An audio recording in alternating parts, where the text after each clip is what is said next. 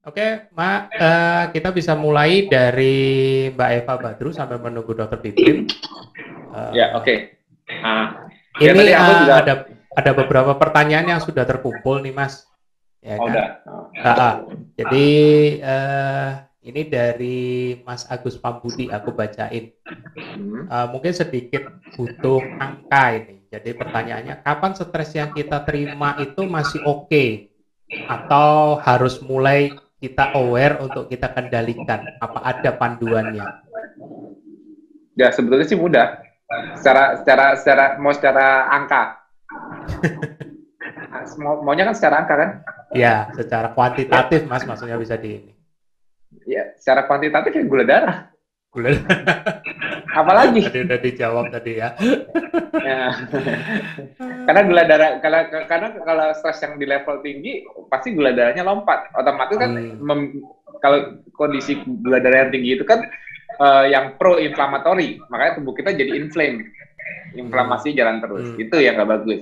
Hmm. Kalau secara angkanya kalau misalnya kita dengan dengan menjaga menjaga gaya hidup kita sesuai lima pilar, tapi satu pilar yang gagal yaitu stresnya, kan aku selalu bilang, lihat aja gula darahnya, nggak kelihatan.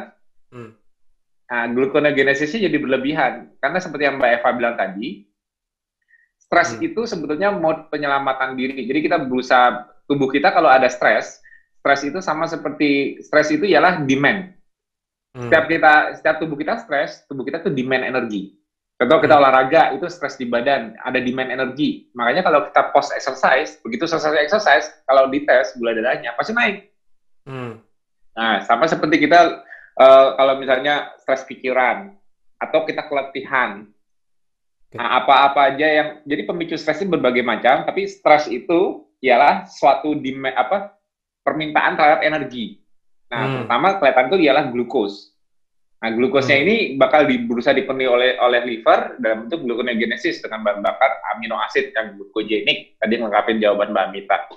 Itu efeknya. Nah, stres yang berlebih itu stres yang menurut seperti yang Mbak Eva bilang tadi, stres yang benar di alam di masa lalu nenek moyang kita, sifat stres itu akut karena temporary. Kita tidak pernah tidak pernah mengalami stres secara sustain terus menerus seperti zaman sekarang. Kalau zaman dulu itu stres itu uh, sifatnya fight or flight-nya itu terjadi pada saat kita bertemu ancaman predator misalnya. Hmm. Nah, itu kan nggak setiap saat kita diancam terus kan, pasti kita hmm. sudah berlindung dan sebagainya. Jadi stres yang bersifat akut memberikan adaptasi untuk bertahan hidup. Oke. Okay. Nah, hasil hasilnya homeostasis lebih baru. Tapi kalau stresnya ini stresnya stresnya menjadi kronik karena terus menerus, itu yang nggak bagus. Itu yang malah malah sifatnya malah merusak ke tubuh hmm. kita. Sebentar mas, aku mesti nanya, uh, mesti dengar teman-teman, mewakili teman-teman, mesti dengar penjelasan ekspresifnya Mbak Eva. Oh iya. Sorry loh ya. Uh, Mbak Eva, aku aku asal tuh unmute dulu karena tadi backgroundnya sempat agak berisik. Tapi sekarang monggo Mbak, silakan. Mbak Eva bisa unmute? Oke. Okay. Okay, silakan. Sebetulnya ya, ini curhatku yang uh, dari satu bariku yang paling dalam. Kalau sudah disandingkan dengan Mas Tio, ya sebetulnya semua jawaban itu sudah ada di situ. karena diriku pun ilmunya dari Mas Tio gitu ya. Cuma mungkin aku uh, membahasakannya dengan bahasa lain ya. Tapi iya. sebenarnya intinya tuh ya itu juga gitu ya. Gini bahasa kalau drakor Mbak. Request. uh, tadi pertanyaannya apa untuk uh, pengendalian stres ya? ya. Kalau kalau di dalam ketofasos itu sebetulnya tidak ada protokolnya Pak gitu ya. Uh, harus kita protokol itu kan untuk lebih uh, mengarahkan ya, mengarahkan uh, what to do, what what not to do gitu ya. Uh, semua jelas di situ di dalam protokol ketofastosis. Cuman yang kita nggak punya protokolnya adalah soal stres gitu, karena itu dikembalikan ke individunya masing-masing gitu. Dan uh, manusia itu selalu akan mencari jalan untuk semua solusi, eh, semua masalah di hidupnya untuk mencari solusi. Nah, uh, kita yang tergabung di dalam komunitas ini mempunyai uh, latar belakang yang berbeda-beda ya latar belakang yang berbeda-beda dari masalah edukasi, dari masalah suku bangsa, dari masalah agama gitu. Dan itu mau tidak mau mempengaruhi uh, kondisi uh, mental kita, uh, kondisi psikologis kita juga gitu dan membentuk karakter kita seperti apa. Nah, kalau saya, kalau saya pribadi lebih menyarankan untuk kita sebagai host yang take control akan diri kita, kita lebih mendekatkan diri uh, kepada Tuhan gitu. Kita lebih mendekatkan diri kepada agama dan keyakinan yang kita eh, masing-masing uh, kita anut. Tapi ada juga yang mencari uh, solusi misalnya dengan uh, bicara dengan psikolog atau psikiater gitu ya, atau hmm. mungkin uh, uh, apa ya terapi gitu ya atau apalah segala macam itu kita kembalikan kepada individunya masing-masing untuk mencari solusinya dalam masalah uh, kondisi stres ini gitu gimana nyamannya karena tidak semua orang itu nyaman dengan hanya satu uh, satu solusi gitu ya. Ada yang cocok dengan terapi gitu. yang lebih nyaman dengan mendekatkan diri Tuhan seperti itu. Jadi untuk masalah kendali di sini uh, kita lebih ke uh, mengembalikannya kepada individunya masing-masing gitu. Untuk kembali merebut hak kita menjadi si master yang mengendalikan semuanya. Karena masalah psikologis ini ribet deh. Kalau ada kalau ada orang uh, yang jurusan psikolog di sini atau uh, anak kes dari psikiater pasti paham banget kalau ilmu keilmuan manusia itu dalam masalah psikologis itu sangat uh, kompleks itu sangat kompleks. Abstrak gitu. ya mbak ya? Iya pertanyaannya apa lagi tadi ya? Selain ya sebenarnya itu aja sih supaya uh, uh, apa bagaimana sih kapan kita mulai aware terus mulai mulai mengambil mengambil apa tindakan itu uh, terhadap stres. Uh, simpel gitu. sih Mas Budi balik lagi ke gejala yang tadi saya udah bahas kayak yeah, iya, misalnya yeah, yeah. Uh, uh, uh, the heart beating so fast kita terengah-engah dan apa tekanan darah kita melonjak hmm. drastis atau ada GDP spike gitu atau uh, kita agak susah tidur atau uh, itu kan terlihat kan dari HbA1c juga hmm. gitu ya. Uh, itu dari gejala secara fisiologis aja udah kelihatan gitu kalau hmm. kita stresnya sudah over limit atau enggak kita sudah melewati ambang batas atau enggak itu secara fisiologis sebetulnya terlihat juga. Nah di situlah uh, perlunya kita untuk aware, aware untuk sadar, hmm. untuk sadar dari gejala uh, kondisi fisiologis yang tadi kita sempat bahas gitu. Oke, okay. berarti uh, ini menarik ini. Jadi kita nggak bisa nggak bisa terlalu kaku pada pada satu satu parameter yang oh kalau kalau stresnya masih oke okay atau enggak kadang-kadang mendefinisikan stres saja juga masih abu-abu ibaratnya kan. Ya. Nah, jadi uh, ini ada ada pendapat menarik juga dari salah satu uh, peserta ya kan. Jadi kalau bagi pemula nih uh, yang yang mungkin ada ada penyakit penyerta ya kan? Itu sangat mungkin bisa ada resiko stres karena ada perubahan pola hidup. Karena setiap perubahan akan menimbulkan stres ada gangguan. Belum lagi timbul proses uh, detoksifikasi dan segala macam dalam dalam menjalani perubahan itu tadi.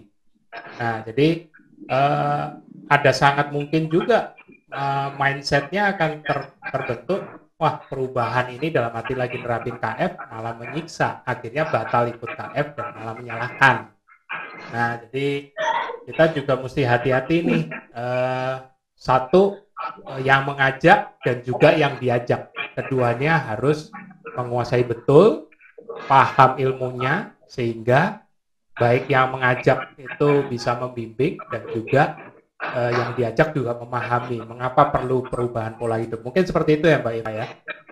Iya, iya. Dan uh, memang untuk proses adaptasi ini secara fisik dan uh, psikis itu emang enak banget ya, emang enak banget gitu. Uh, dan ya ini semua berkaitan satu sama lain.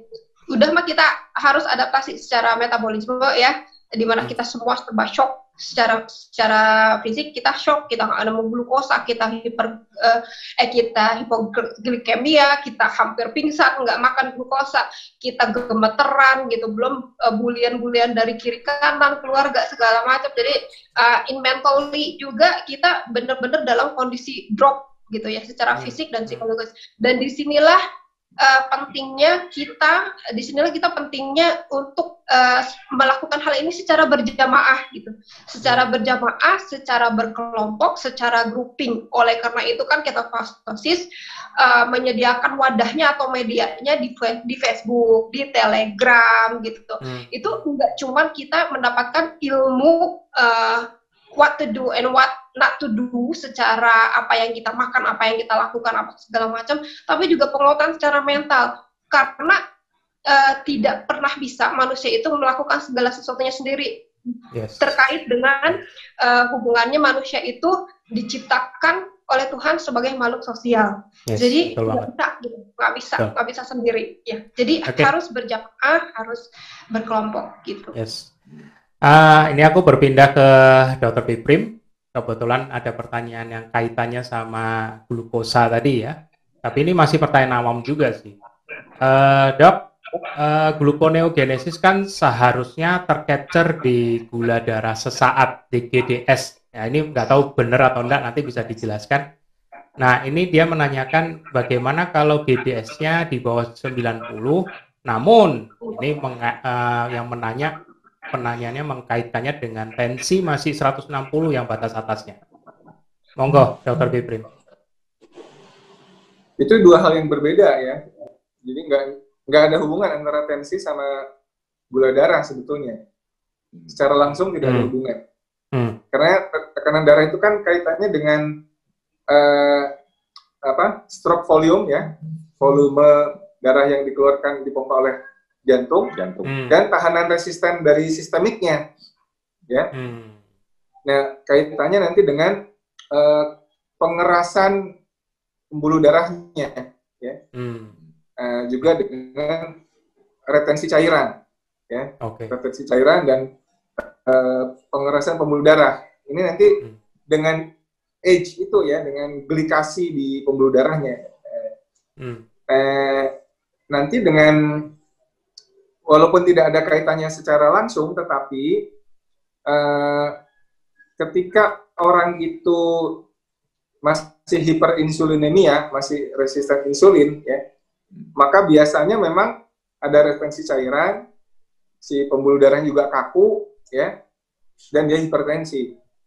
Eh, biasanya pada orang-orang yang sudah eh, ketosis, ya, sudah cukup ketosisnya cukup waktu, cukup lama, insulinnya sudah rendah, uh, ages-nya itu glikasinya itu udah berkurang, maka nanti biasanya tensinya juga akan menjadi normal kembali tanpa obat apa pun. Jadi hubungannya nggak secara langsung, Mas Buri, lebih ke arah hubungannya dengan insulin sih sebetulnya, nggak hmm. dengan gula kadar gula darah. Oke. Okay. Jadi uh, agak sulit juga untuk untuk melihat apakah gluconeogenesis itu sudah terlihat di angka GDS kurang lebih kayak gitu ya dok ya? Oh untuk gluconeogenesisnya ya? Iya. Tadi pertanyaannya seperti itu. Apakah terlihat di di angka GDS-nya gula darah sesaat? Terlihat dong. Hmm, oh. GDS itu kombinasi. Kan banyak kombinasi. Iya, hmm. Itu dia. Mas Tio kali jawabnya lebih. Ah, monggo. Enggak, gluko gini loh. Gluko gluconeogenesis itu gula buatan liver. Liver sampai kapan pun nggak pernah berhenti. Walaupun kita makan karbo sekalipun, masih ada part gluconeogenesis ada. Misalnya kita nggak ngomongin kayak orang hmm. makan nasi, roti, mie, tepung. Gula darah sewaktunya itu tetap kombinasi antara gluconeogenesis plus gula yang diabsorb dari makanan. Nah, bedanya komposisi, itu rumusnya, bedanya ya. komposisi, komposisi gluconeogenesis lebih rendah saat insulin lompat.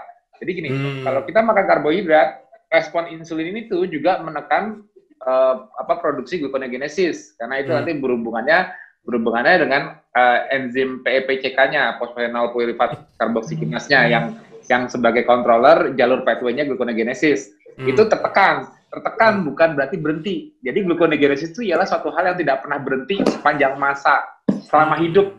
Nah, gluconeogenesis uh, gluconeogenesis itu banyak di mungkin banyak yang yang yang belajar mengenai fisiologi juga gak, salah paham berpikir bahwa gluconeogenesis itu selalu berhenti total, liver berhenti total buat gula saat kita makan gula. Itu salah total, nggak ada gluconeogenesis nggak bakal pernah ber, pernah aku nanti mau ngasih jurnal referensi cuman udah lama aku cari nanti.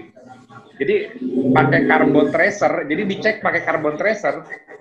Hmm gluconeogenesis itu, jadi kalau kalau makanan yang mengandung karbohidrat itu dikasih karbon tracernya, karbon yang ada gulanya, hmm. Itu kita makan makan karbo itu, gula darah sewaktu yang dihasilkan itu diambil lagi sampel samplingnya, itu hanya sebagian aja karbon tracer dari makanan, sebagian lagi tetap dari gluconeogenesis. Hmm. Nah, tapi pada saat kita tidak makan apa-apa, full dominan hasilnya ialah dari gluconeogenesis. Jadi gluconeogenesis itu dinaikkan oleh glukagon saat tidak makan, diturunkan, cuma diturunkan oleh insulin, bukan dihentikan ya, hmm. diturunkan oleh insulin saat kita makannya. Jadi jadi gluconeogenesis itu uh, satu hal yang tidak pernah berhenti karena karena saking pentingnya gula itu di darah hmm. sepanjang waktu, bukan hilang ya. Saking penting, aku kan selalu bilang kalau karbohidrat itu tidak esensial, tidak esensial memasukkan sumber gula dari luar. Tapi gula itu adalah suatu hal yang sangat esensial untuk selalu ada di darah Hmm. Itulah kenapa gluconeogenesis tidak pernah berhenti hmm. sebelum tidak pernah berhenti berproduksi setelah hmm. makan sekalipun, mau hmm. KF maupun tidak KF. Bedanya ya. kalau sudah KF, basal gluconeogenesisnya lebih rendah. Kita tidak hmm. setinggi buat seperti waktu kita masih makan karbo. Karena kita berusaha hemat sparing glukos kita lebih tinggi. Ya, sebenarnya poinnya adalah uh, rasio antara sumber dari ya, dalam yaitu ya. gluconeogenesis sama seberapa kita masih memasukkan dari luar sumber glukosanya. Ya. Jadi ya, itulah dan, yang dan, dan organ negatif feedbacknya pankreas. Yes. Dan, dan itulah yang sebenarnya tercermin dari angka gula darah mau sesaat ataupun puasa. Kalau puasa ya, pasti lebih dominan dari endo ibaratnya. Dari pasti, nggak, nggak, mungkin ada dari makanan. Oke. Okay. Oke, okay, uh, eh, kita kayaknya ini makin panas nih, uh, walaupun baru di awal diskusi panel, tapi makin panas. Aku kasih uh, floor ya Mas ya, ke live. Ya. Ada sudah beberapa yang raise hand mau bertanya langsung. Mas ya. Wawan, Mas Mawan Hemawan. Halo Mas. Halo Mas Wawan. Ya, ya halo. Ya, silakan ya. Mas Wawan, silakan. Mau bertanya ke pemateri mana? ke siapa aja lah ke dokter. Boleh. Boleh silakan. Apa? Boleh. Itu eh, selama ini kan saya ikut berkait sudah lumayan ya, udah dua tahunan. Hmm. Tapi setiap cek gula darah itu masih belum bisa stabil di bawah 80 itu gimana caranya ya? Apa karena mungkin kemasukan karbo gimana itu? yang salah dari saya apa itu sudah dari pola makan apa dari stresnya apa gimana oke monggo mau Dr. Biprim atau mungkin Mbak Eva silakan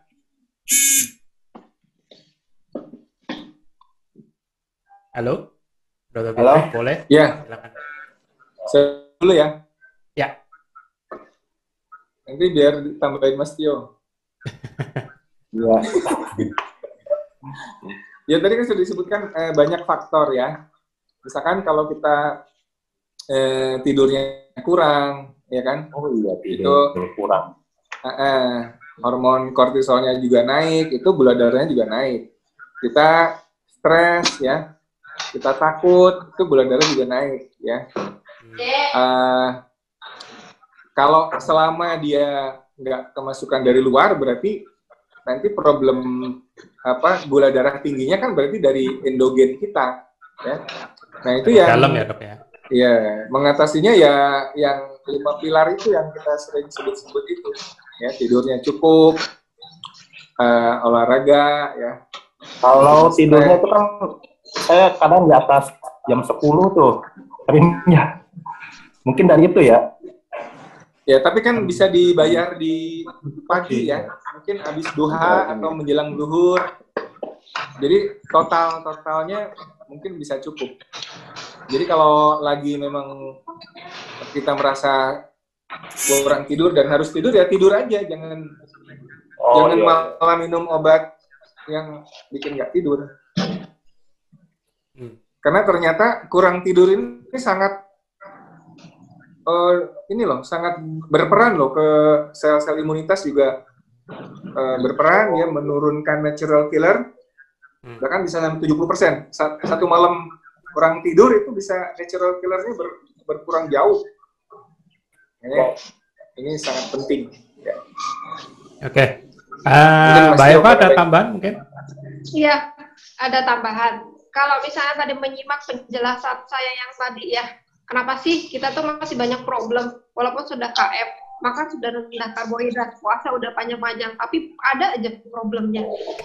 Jadi seperti yang Febri bilang ini masih terus masih memproduksi gula sintetis dari liver.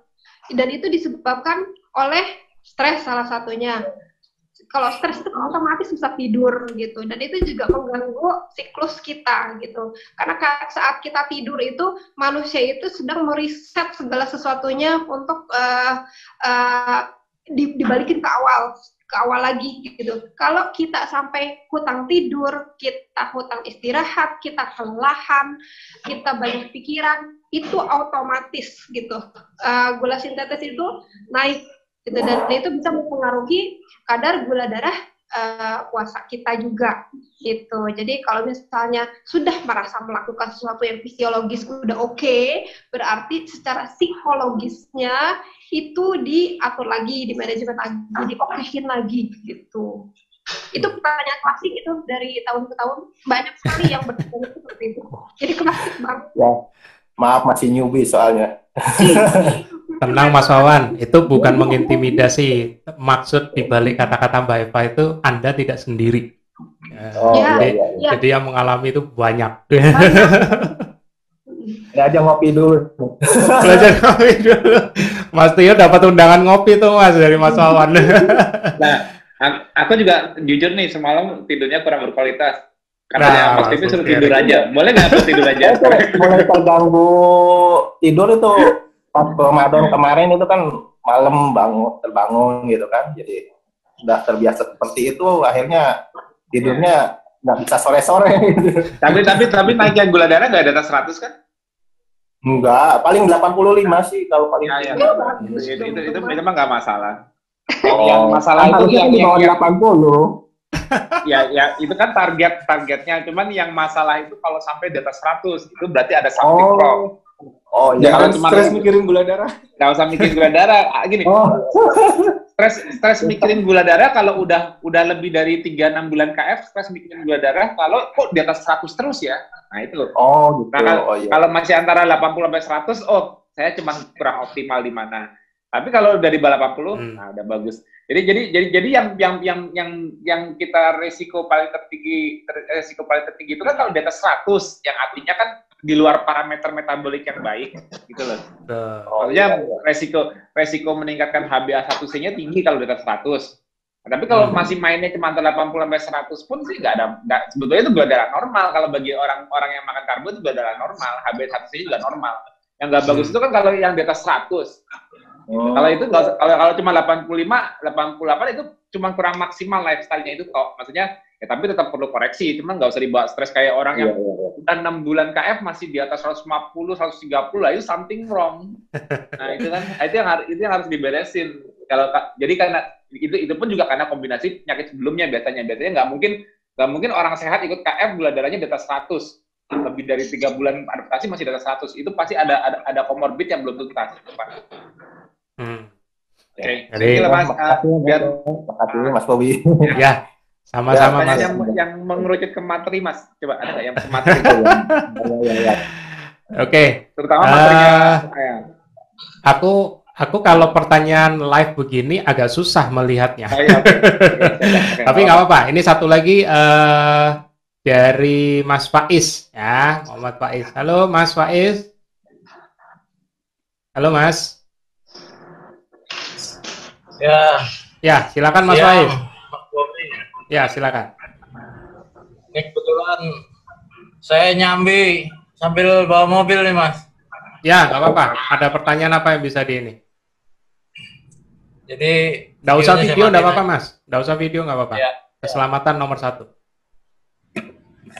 Ini di Lala kemarin saya kerja sedikit stresnya luar biasa kemarin itu. Hmm. Nah, pagi ini kok nilalah Teh Eva materinya seperti apa yang kejadian ke saya ini. Hmm. Jadi nyambung berarti ya. Ya. Sore kemarin saya sempat drop. Jadi saya kerja si bos marah berat lah ya. Marah hmm. berat sampai akhirnya mengganggu uh, psikis saya. Kemudian nggak tahu tiba-tiba drop aja. Sore itu saya pulang sampai di rumah nggak seperti biasa. Biasanya nggak ngantuk. Ini kok tiba-tiba ngantuk. Jadi habis sisa itu kemudian saya langsung tidur. Saya langsung tidur. Ya hmm. pokoknya pikiran saya agak berat lah. Jadi memang apa yang dijelaskan Teva tadi Pak, buat saya ada buat bahan lah ya masukan buat saya. Nah yang okay. jadi pertanyaan saya untuk memulihkan sih kalau udah stres berat itu selain lima pilar yang ada itu untuk recovery yang cepat itu gimana? Soalnya itu kata kuncinya tuh. saya tadi pagi itu uh, untuk memulihkan stamina sampai istri saya coba pijitin. Oh ini istri kebetulan nggak KF istri. Tapi akhirnya apa perlu dikerok gitu? Di KF perlu kerokan nggak ya kira-kira? Jadi sampai seperti itu. Nah, ini udah udah agak pendidikan sih buat saya. Mungkin Mas Tio atau Mbak Eva ada jawaban gak sih? Mungkin itu aja Mas Bobi. Makasih Mas Bobi. Oke, makasih. Uh, sebelum dijawab, ini karena mungkin ini sebenarnya lebih ke arah tips aja sih. Tips dan uh, untuk bisa lebih cepat. Tapi clue-nya sebenarnya ada tadi di penjelasan Mbak Eva. Uh, aku beralih ke di chat. Uh, ini kaitannya mungkin lebih spesifik nih uh, ke Mas Piprim sama Mas Tio yang sudah mungkin ada gatel berbicara saintifik. uh, ini dari Mbak Wulan Bobi, nah sesama sesama nakes. Uh, dok, masalah imunitas hubungannya dengan gula darah bagaimana ya? Karena sekarang awam, awam pahamnya itu hanya imun manusia itu erat loh hubungannya dengan herediter atau keturunan. Nah, itu dulu deh. Jadi dua pertanyaan, satu ke Mbak Eva, satu lagi yang lebih agak saintifik uh, kaitannya dengan uh, genetik ini. Monggo. Aku dulu ya, Mas. Boleh, ya? boleh, boleh. Oh, ya, um, untuk sesuatu yang instan itu uh, sebetulnya tidak pernah eksis kalau saya bilang. Karena bikin indomie instan aja mesti rebus air dulu mesti nyemplungin mie-nya dulu gitu ya mesti ngangkat mie-nya dulu jadi nggak pernah ada yang instan sebetulnya. Apalagi, halu iya apalagi kalau kita itu namanya aja indomie instan gitu. Padahal tidak seinstan itu perlu tiga menit gitu lima menit untuk melakukannya. Nah apalagi ini uh, masalah problematika hidup ya. Kata kuncinya di sini adalah ya udah sih ikhlasin aja gitu ikhlasin aja. Cuman kan untuk mencapai uh, target uh, ke tahap ikhlas itu kan sangat-sangat tidak mudah gitu sangat-sangat tidak mudah. Uh, itu itu nomor satu. Dan yang kedua kalau saya perhatikan tadi bapak bilang begitu saya pulang ke rumah saya oh biasanya susah tidur malah susah tidur. Lah bagus itu ya? Jadi bahkan ketika kita tidur ketika kita tidur itu enggak cuman uh, secara fisiologisnya aja kita merecovery dan meriset segala sesuatunya tapi secara mentali juga. kalau nggak salah sih di bagian uh, chat yang kenaikan kortisol tuh yang uh, Mas Tio kasih tuh uh, ada waktu di, uh, di di di jam-jamnya nanti mungkin saya share lagi di bawahnya itu kita perbaikan mentally itu kalau nggak salah dari jam uh, dari jam satu pagi ya jam satu pagi atau sampai jam 3 pagi gitu ya kalau nggak salah tuh. Uh, itu secara mentalnya juga kita diperbaiki gitu. Jadi itulah pentingnya tidur uh, which is kalau bapak masih bisa melakukan uh, tidur yang pulas yang baik yang nyenyak berkualitas ketika ada masalah itu salah satu kuncinya uh, untuk mendapatkan recovery secara mentally health gitu kalau menurut saya sih begitu. Dan okay. yang kedua yang yang pertama tadi masalah ikhlas ya. Memang kita semua juga berjibaku gitu. Uh, untuk masalah itu semua manusia berjibaku, berjibaku di masalah itu gitu. Cuman selama masih bisa tidur dengan baik dan nyenyak pertahankan jangan sampai keganggu karena itu salah satu jalan untuk kita merecovery secara mental health gitu. oke okay.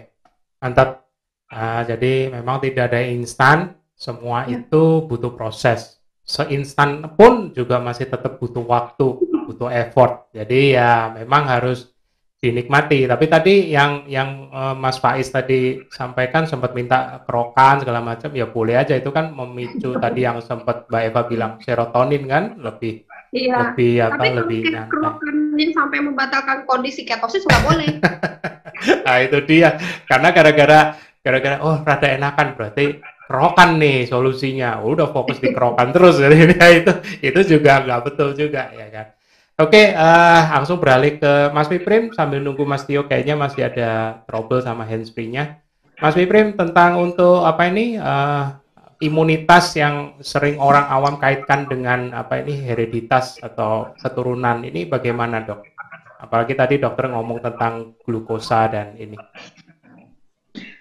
Soal yeah uh, banyak uh, jurnal yang bicara bahwa hiperglikemia itu menurunkan uh, fungsi imunitas tubuh ya, hmm. termasuk misalkan seperti pergerakan uh, makrofag ya, pergerakan neutrofil itu jadi nggak lincah karena darahnya kan kental ya.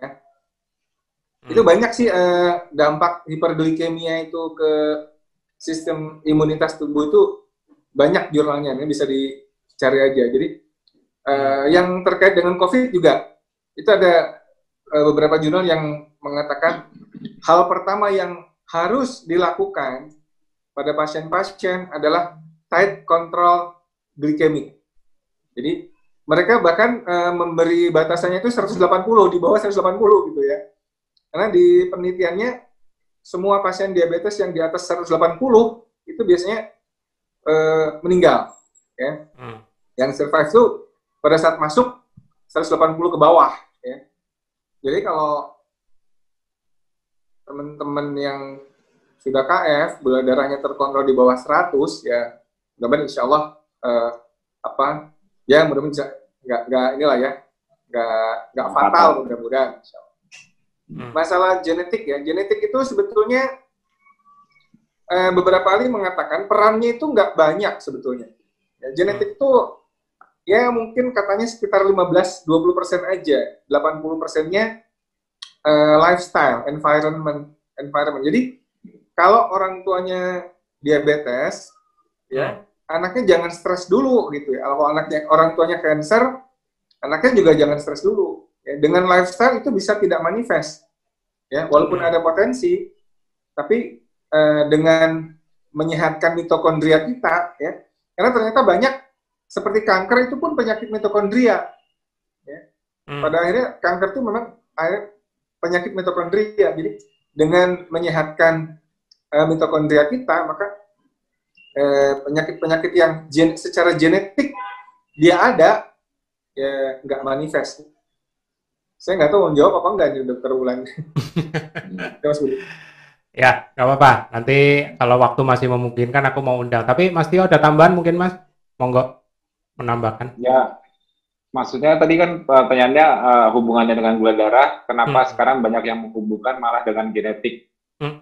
Jadi kalau yang kalau jadi kalau yang maksudnya yang aku tangkap sih maksudnya sekarang kalau yang kena kalah kena infeksi dan sebagainya dengan hubungan imunitas ya apa sekarang udah gen lu gitu maksudnya. Nggak bisa. Nggak bisa. Gitu, gini kalau kalau kalau kalau memang memang gennya gennya secara hereditary dia gennya nggak mendukung imunitasnya nggak usah nunggu dewasa. Pas kecil dia juga udah, udah gak bakal survive sampai dewasa. Kenapa? Hmm. infeksi selalu ada. Kalau hmm. dia umur umur umur sudah dewasa udah udah dewasa terus begitu ngomongin imunitas tergantung gen kan nggak lucu. Kalau kita kalau dia kalau dia gennya nggak mendukung untuk imunnya bisa ngerespon udah kalah dari udah kena infeksi dari sebelum lima tahun udah udah lewat. Ya kan? Hmm. jadi jadi gini loh. Jadi jadi sebetulnya hubungan epigenetik dengan kontrol dengan imunitas itu memang suatu hal yang kompleks kalau aku jelasin sekarang mungkin pada pada bubar semua. Tapi intinya gini intinya gini imun secara epigenetik pun kita bisa melatih. Jadi gini ada yang disebut namanya train immune system. Jadi sistem hmm. imun kita uh, orang yang sering ini ini sebetulnya ini ini sebetulnya bukan untuk dipraktekkan ya, tapi ini it's true. Ini cara cara kerja immunological memory seperti ini. Jadi adaptive immunity itu memiliki imun, imun memiliki immunological memory spesifik hanya kalau sudah encounter patogennya. Kalau enggak dia enggak enggak pernah enggak pernah punya memorinya. Dan di mukosal imun sistem kita responsivitas itu juga bisa ditrain dengan cara uh, sering sering terekspos oleh antigen sehingga hmm. dia sering alert sering alert hmm. artinya dia sigap nah itu itu secara secara secara lifestyle-nya maksud atau atau secara dia sering terekspos itu itu itu justru merubah epigenetiknya menjadi hmm. responsif kemampuan jadi kalau epigenetiknya sudah tertrain jadi hmm. jadi jadi gini loh epigenetik ini ini ini boleh nggak sedikit rumit dikit jadi aku coba jaga jadi, ya mas ya oke okay, oke okay. Yang disebut genetik itu ialah bagaimana suatu sequence di DNA itu lebih cepat respons itu artinya gini. Uh, aku, aku aku mundur deh biar nggak terlalu rumit. Kalau kalau contohnya dendritic cell, salah satu di mukosal kita. Bagaimana supaya mengetahui dia sudah tertraining atau belum ialah kecepatan dia merespon antigen dan dan begitu dia merespon antigen adalah masuk nah. dia cepat cepat membuat sitokin seperti contohnya interferon. Nah dapat ya. mengkomunikasikan jadi, ke jadi, jadi kalau ya. ya jadi kalau kita lihat kita lihat secara secara respon imunnya oh semakin cepat interferon disekresikan dendritic cell saat dia terespon antigen hmm. artinya dia makin responsif dia hmm. makin terlatih hmm. nah hubungannya dengan apa dengan epigenetik nah epigenetik itu gini interferon itu dibuat adalah suatu protein signaling yang dibuat berdasarkan transkripsi dari suatu sequence DNA di dalam suatu sequence rantai DNA di dalam inti selnya si dendritic cell. Apa hubungannya, Mas? Jadi gini, semakin dia responsif, semakin dia mudah mengalami semakin dia mudah uh, uncoil dari histonnya. Jadi DNA itu di, di maksudnya rantai DNA itu dia ngelibet ke histon. Nah, semakin dia dia responsif, semakin dia cepat merenggang, cepat di, di, dibaca oleh RNA polimeras, cepat dikirim RNA messengernya keluar sel, cepat hmm. ditransaksikan ribosom. Nah, kecepatan itu di epigenetiknya, kemampuan coiling, uh, uh, di, ya, kemampuan uncoilingnya. Hmm. Jadi melatih, uh, jadi melatih sel, contohnya hmm. sistem imun, hmm. itu bisa merubah respon epigenetiknya, Kemamp kecepatan dia me, apa, melonggarkan diri dari histonnya, sehingga dia cepat ditransaksikan oleh RNA polimeras. Nah, hmm. itu baru namanya epigenetik. Kalau hmm. kalau ada yang ngomong hereditas epigenetik belum ngerti sejauh yang aku bilang, abaikan. itu dipungkasi langsung. kalau kalau kalau belum tahu belum tahu gimana epigenetik itu berhubungan dengan kemampuan melakukan fungsinya, contohnya memproduksi interferon dan sitokin lainnya sebagai respon dari sistem imun, abaikan. Hmm. Mereka nggak hmm. ngerti apa yang mereka omongkan. Berarti nanti kalau kalau teman-teman uh, apa, apa ya tan? Awam, aku coba yang, telepon Mas Tio. Kalau, kalau, kalau, udah yang ngubungin sama epigenetik, ngomongnya langsung ke aku aja, jangan jangan menjadikan jangan itu dijadikan faktor bahwa ah nggak bisa apa-apa cuma berhubungan dengan gen. Eh, karena apa? Karena kalau orang udah ngomong gen kayak gitu, rata-rata udah nggak bisa lanjutin pembicaraan, kenapa? Karena mereka nggak ngerti. Nah, kebetulan aku ngerti, lanjutin sama aku aja. Gimana cara sel apa apa mentranskripsikan responnya itu di mana itu doang okay. mas nanti lain kali bahas epigenetik ya Ya, udah tertarik tuh. Tapi tapi itu nggak bisa di grup awam. Bisa bisa bisa kebakaran juga sebentar. Mas, saya tahunya Epi suka sih. Gimana Oke, ini masih ada lima menit sebelum jam 12. Apakah masih memungkinkan? Satu pertanyaan lagi ya. Ya, monggo. Oke. Mbak Fitri Noviar, saya sapa. Mbak Fitri. Halo. Mbak Fitri. Iya, Mas. Ya, silakan, Mbak. Ini langsung pertanyaan ketiga, boleh nggak ya? Uh, kita tinggal lima menit. Pilih satu pertanyaan aja yang paling yang penting. paling krusial, yang paling penting. Nah, paling penting. Oh, gitu ya. Ya. Uh, dua deh boleh kali ya. ya. Lima menit, Mbak. Langsung, langsung tanya Ya, saya Fitri dari Bogor ya. Sebenarnya ya. saya sudah ikutan keto itu sekitar dua tahun lebih lah ya. Hmm. Nah, cuman akhir-akhir ini memang saya agak sedikit bosan dan akhirnya cheating gitu. Okay. Kemudian kalau cheating itu kan banyak orang bilang bahwa e, banyak reaksi tubuh yang terjadi gitu ya. Tapi di di saya itu tidak ada reaksi apa-apa gitu, sama aja gitu. Apakah itu positif atau negatif itu satu ya. Okay, satu. Kemudian yang kedua saya mau nanya, kalau kan tadi keseimbangan uh, gula darah itu kan tergantung dari lima pilar itu ya. Nah, ya. kalau seorang muslim gitu ya, mungkin ini bisa dokter Piprim kali yang bisa jawab ya uh, muslim itu kan ada uh, misalnya ibadah tahajud malam dan sebagainya gitu ya otomatis tidur kita itu kan terganggu apa uh, bagaimana cara uh, agar uh, apa aktivitas tahajud itu tetap bisa balancing dengan GDP kita dan juga lima pilar itu itu aja sih terima kasih okay. ya oke okay. uh, siapa dulu nih apa Mas Tio langsung apa Dokter Piprim silakan hmm. Yang pertama cheating. Aku yang cheating aku aja deh. Oke, okay. silakan Mas. Langsung ya. cheating. Membersihkan waktu nggak ada excuse untuk cheating. Nah. ada excuse. Mau, mau ada alarm, nggak ada alarm, bodo amat. Nggak ada excuse.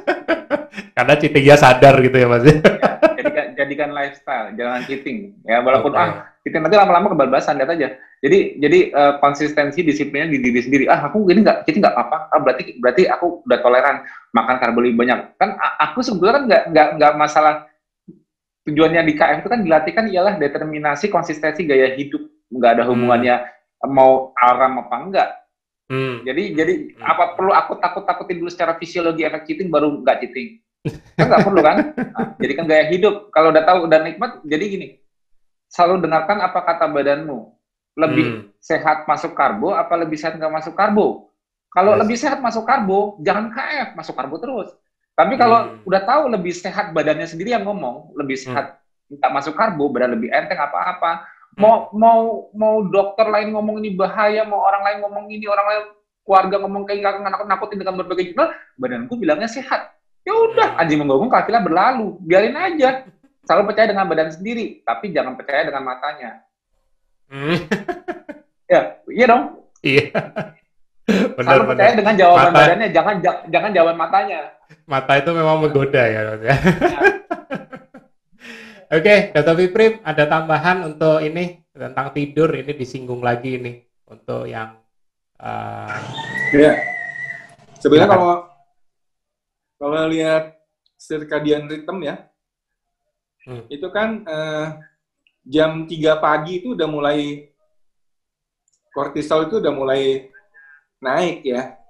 Jadi kalau tadi pertanyaannya sesuai siklusnya Rasulullah, saya udah pelajari tuh. Rasulullah itu kan tidurnya di awal waktu. Hmm. Nanti bangun jam 2, jam 3, sepertiga malam. Tapi hmm. beliau itu nanti siang itu tidur lagi. Hmm. Ya, ada namanya koilullah. Jadi kalau di total-total, walaupun beliau malamnya begadang, tapi di total-total tidurnya sebetulnya tetap cukup gitu. Hmm. Jadi Hmm, begadangnya itu bukan misalnya kita tidur mulai jam 11 atau 12 malam, bangun jam 3 ya jelas kurang. itu kan mestinya pada isya itu udah tidur gitu. Hmm. Jadi mungkin overall dalam sehari semalam kita bisa perhitungkan dan tentu kualitas tidur juga penting ya. Dan kualitas tidur nanti terkait dengan seberapa aktif uh, kita di siang harinya. Ya kalau kita diam aja juga biasanya susah tidur. Itu ya Mas Budi. Oke. Oke, mantap. Uh, ini pas jam 12, jadi kita sudah merampungkan sesi satu, ya kan, hmm. berikut kuis dan juga door prize.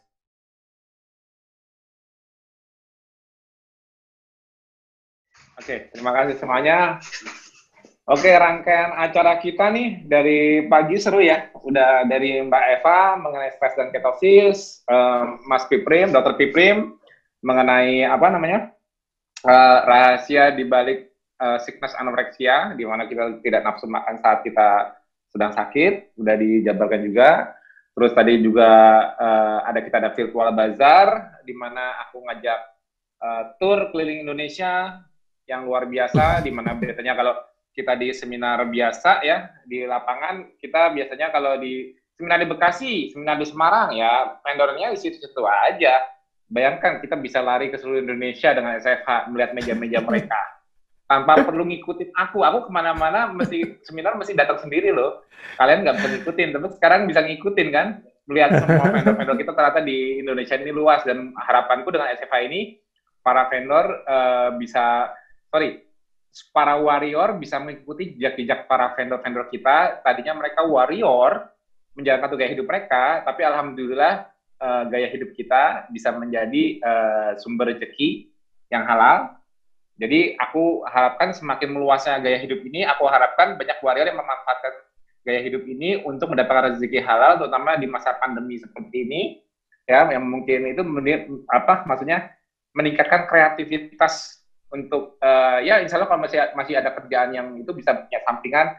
Uh, aku sangat setuju, aku nggak pernah melarang uh, siapa pun untuk mencari rezeki di lahan KF. Memang walaupun di grup KF sendiri aku larang jualan karena aku fokusnya di di ilmu pengetahuan, tapi kita punya divisi produk. Nanti kalau yang tertarik mau menjadi penjual di KF, apa pun kreasinya, misalnya dia pinter baking, contohnya kayak Mbak Farida, sebelumnya pinter baking, sekarang bisa buat produk itu kan lumayan ya buat tambah-tambah siapa tahu nanti lama-lama jadi jadi jadi penghasilan utama. Jadi saranku uh, kreativitasnya dikembangin, manfaatkan gaya hidup kita yang kita brand awareness. Insya Allah deh, aku yakin insya Allah kita KF sudah berapa tahun mas? Udah mau sebentar lagi uh, 2012, 17, 18, 19, 20 udah 4 tahun. 4 tahun. Sebentar lagi nggak nyampe 2-3 tahun lagi boomingnya nggak tahu kayak apa di mana-mana. Nah, manfaatkan uh, kita punya kreativitas apa, kita sudah siap, kita bisa ngajarin. Jadi uh, insya Allah kita bisa bisa bisa mendapatkan rezeki dari keahlian, terutama kebanyakan mungkin para ibu-ibu yang pintar masak, nanti mungkin ada bikin catering keto, apa manfaatkan. Hmm aku malah justru pengen buat di komunitas ini membuat sistem support. Aku pengennya hmm. semua orang yang pinter pinter masak bikin sistem support buat orang-orang yang baru masuk dan kebingungan mau makan apa, kebingungan gimana nggak cheating. Karena kalau nggak nggak ada sistem supportnya, nggak ada sistem support dari para warrior yang ikut menyediakan, hmm. kebanyakan mereka gagal di tengah jalan, entah karena mereka nggak ada uh, dukungan komunitas kah atau mereka bingung mencari makanan pilihan, nggak ada opsi. Ya aku sering dapat japren masih banyak di Kalimantan. Saya susah nih dapat amunisi. Saya nggak bisa makan seperti orang di Jakarta. Nah, hmm. aku memang di sana mungkin masih jauh belum banyak, tapi insya Allah pada saat mereka sudah meluas karena awareness kita ke mana-mana, sistem support di per daerah, contohnya tadi aku minta yang di Medan itu yang reseller untuk ngajak uh, ngajak uh, sekitarnya sekitarnya yang warrior juga yang pintar-pintar untuk membuat kreasi-kreasi seperti di Jakarta dan di Pulau Jawa ini, hmm. insya Allah nanti Medan cepat berkembang. Kenapa? Orang mau mulai, orang mau mulai biasanya ragu. Kalau kita yang udah jalanin ini kan kita taunya real food aja gampang. Hmm. Ya, kita udah jalanin, kita udah kita udah kehilangan craving kita. Hmm. Bayangin kalau kenapa susah ngajak ibunya, kakaknya, adiknya kenapa? Aduh kalau gue ikut gaya dulu gue nggak bisa makan kue lagi. Gue nggak bisa nggak bisa makan ini lagi nggak cuma jadi mereka banyak yeah. alasannya. Nah, jangan kasih excuse karena kita mau ngajak mereka sehat. Hmm. walaupun kita promote real food tapi kita jangan menghalangi orang untuk jangan cheating. Kenapa? Jangan sampai cheating. Jangan kasih kalau mau apa? Aku nggak bisa kayak ikut kamu kayak kamu. Kenapa? Aku masih pengen hmm. makan pempek. Aku masih pengen makan. Ada semua tenang. Masuk dulu jalanin. Lama-lama craving mereka hilang Makanya aku iya. butuh vendor-vendor itu semua berkembang karena apa? But, aku butuh di komunitasku punya sistem support. Aku sebagai ujung tombaknya untuk menyebarkan awareness dari ilmu pengetahuan, tapi untuk menjalaninya sebagai lifestyle jangka panjang, aku pengennya warriorku mensupportku dengan sistem yang aku tinggal caranya di mbak ini, caranya di mbak itu, caranya di mbak ini. Gitu loh. Hmm. Kalau mereka ada kendala, itu yang aku pengen jadi pengennya aku maunya para warriorku berkembang juga di di di, di dalam komunitas ini. Oke, nah mudah-mudahan virtual bazar menjadi lahan yang menarik untuk juga juga menarik bagi para uh, warrior yang nonton acara SFH ini karena karena bisa melihat berbagai pilihan di Indonesia. Aku lakukan terus di setiap SFH SFH berikutnya.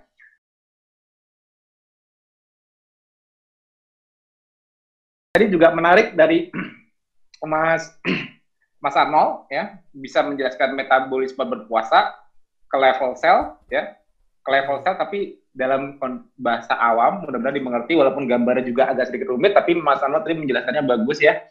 Uh, uh, bertahap pelan-pelan membuat membuat mengerti membuat analogi. Dan Mas Eka yang terakhir membuka rahasia dari KF itu sendiri yang memang basicnya itu aku dulu memulainya juga karena urusan otak uh, untuk untuk si Alif. Tapi ya itu rahasia basic kenapa kondisi ketosis itu ialah kondisi yang bukan aneh, bukan abnormal. Ketosis itu bukan hal yang aneh. Ketosis itu normal. Bagi yang ngerti yang menganggap tidak normal, menganggap kita aneh, sudah memikir berbahaya. Nah, Mas Eka tadi sudah menjabarkan kenapa ini kondisi manusia yang normal dan kenapa sekarang menjadi menjadi menjadi uh, minoritas dan tidak normal karena ya lingkungan modern kalau dibalikin ke ancestral lifestyle ke nenek moyang kita kalau nggak ketosis kita nggak survive. Kenapa? Karena makanan nggak ada di mana-mana. Kita harus bisa aktivitas fisik tinggi tanpa kehilangan energi di otak. Nah jadi kita tidak boleh ngikut grafik penurunan gula darah seiring lamanya tidak makan atau banyak yang bergerak. Karena kalau kita tidak tidak makan karena cari makan, kita harus banyak bergerak untuk cari makan, grafik gula darah turun. Nah, itu nggak boleh diikuti di masa lalu. Kalau di, kalau di masa sekarang kalau begitu turun, begitu ada gejala neuroglikemi seperti yang dibilang Mas uh, Eka tadi ya, gimana kita mau cari makan jam 12 sudah pusing kijang lewat di depan udah nggak kekejar karena kita nggak nggak konsen. Tapi rahasianya, tapi rahasianya dibuktikan oleh Mas Eka bahwa apa? Bahwa yang dibutuhkan otak itu bukan gula, tapi energi gula turun, kita punya substitute-nya.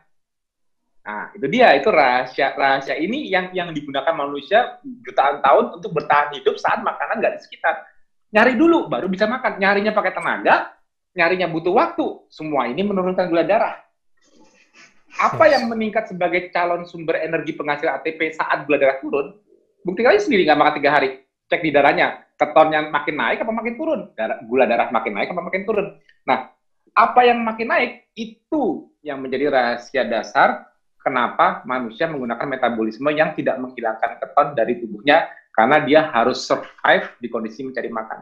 Rahasia semua tadi sudah dibuka oleh Mas Eka. Bagus banget. Aku senang sama, sama, sama rahasia terakhir karena itu basic membuat KF. Pokoknya hmm. alhamdulillah SF hari ini seru banget. Kita lanjut diskusi panel. Ya. Diskusi ya. panelnya mungkin sekalian dari pertanyaan yang berhubungan dengan dua materi terakhir nanti dari situ pertanyaannya kita berkembang dengan jawaban-jawaban. Silakan Mas Budi. Oke. Okay. Uh, eh, Mas Arnold masih standby ya. Uh, aku minta untuk unmute. Oke, okay, terima kasih. Masih.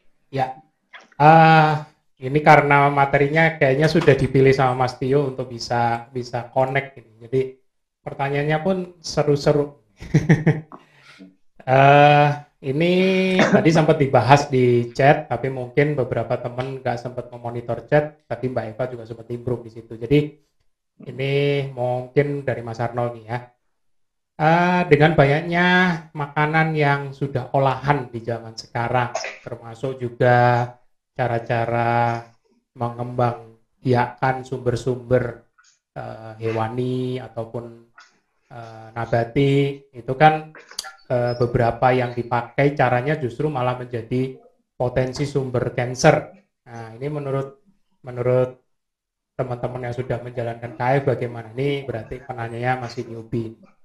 Tetap mendingan makan apa? Uh, sumber hewaninya kah atau nabatinya kah atau malah sama sekali mungkin tidak makan karena karena mungkin khawatir dengan bahan-bahan yang dipakai pada teknik pengembang biakan. Monggo silakan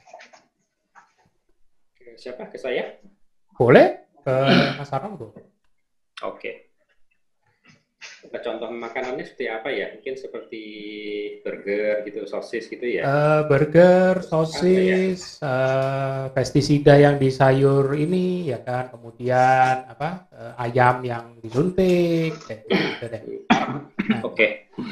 uh, jawabannya saya dari sisi endosentrik aja ya uh, waktu kita makan, terus kita kelebihan makan, kemudian disimpan dalam bentuk lemak, gudang lemak, sebenarnya itu bukan cuma mengubah glukosa menjadi lemak, atau menyimpan uh, kolesterol di lemak, tapi juga menyimpan toksin-toksin yang kita makan dari makanan. Nah, itu kuncinya ya.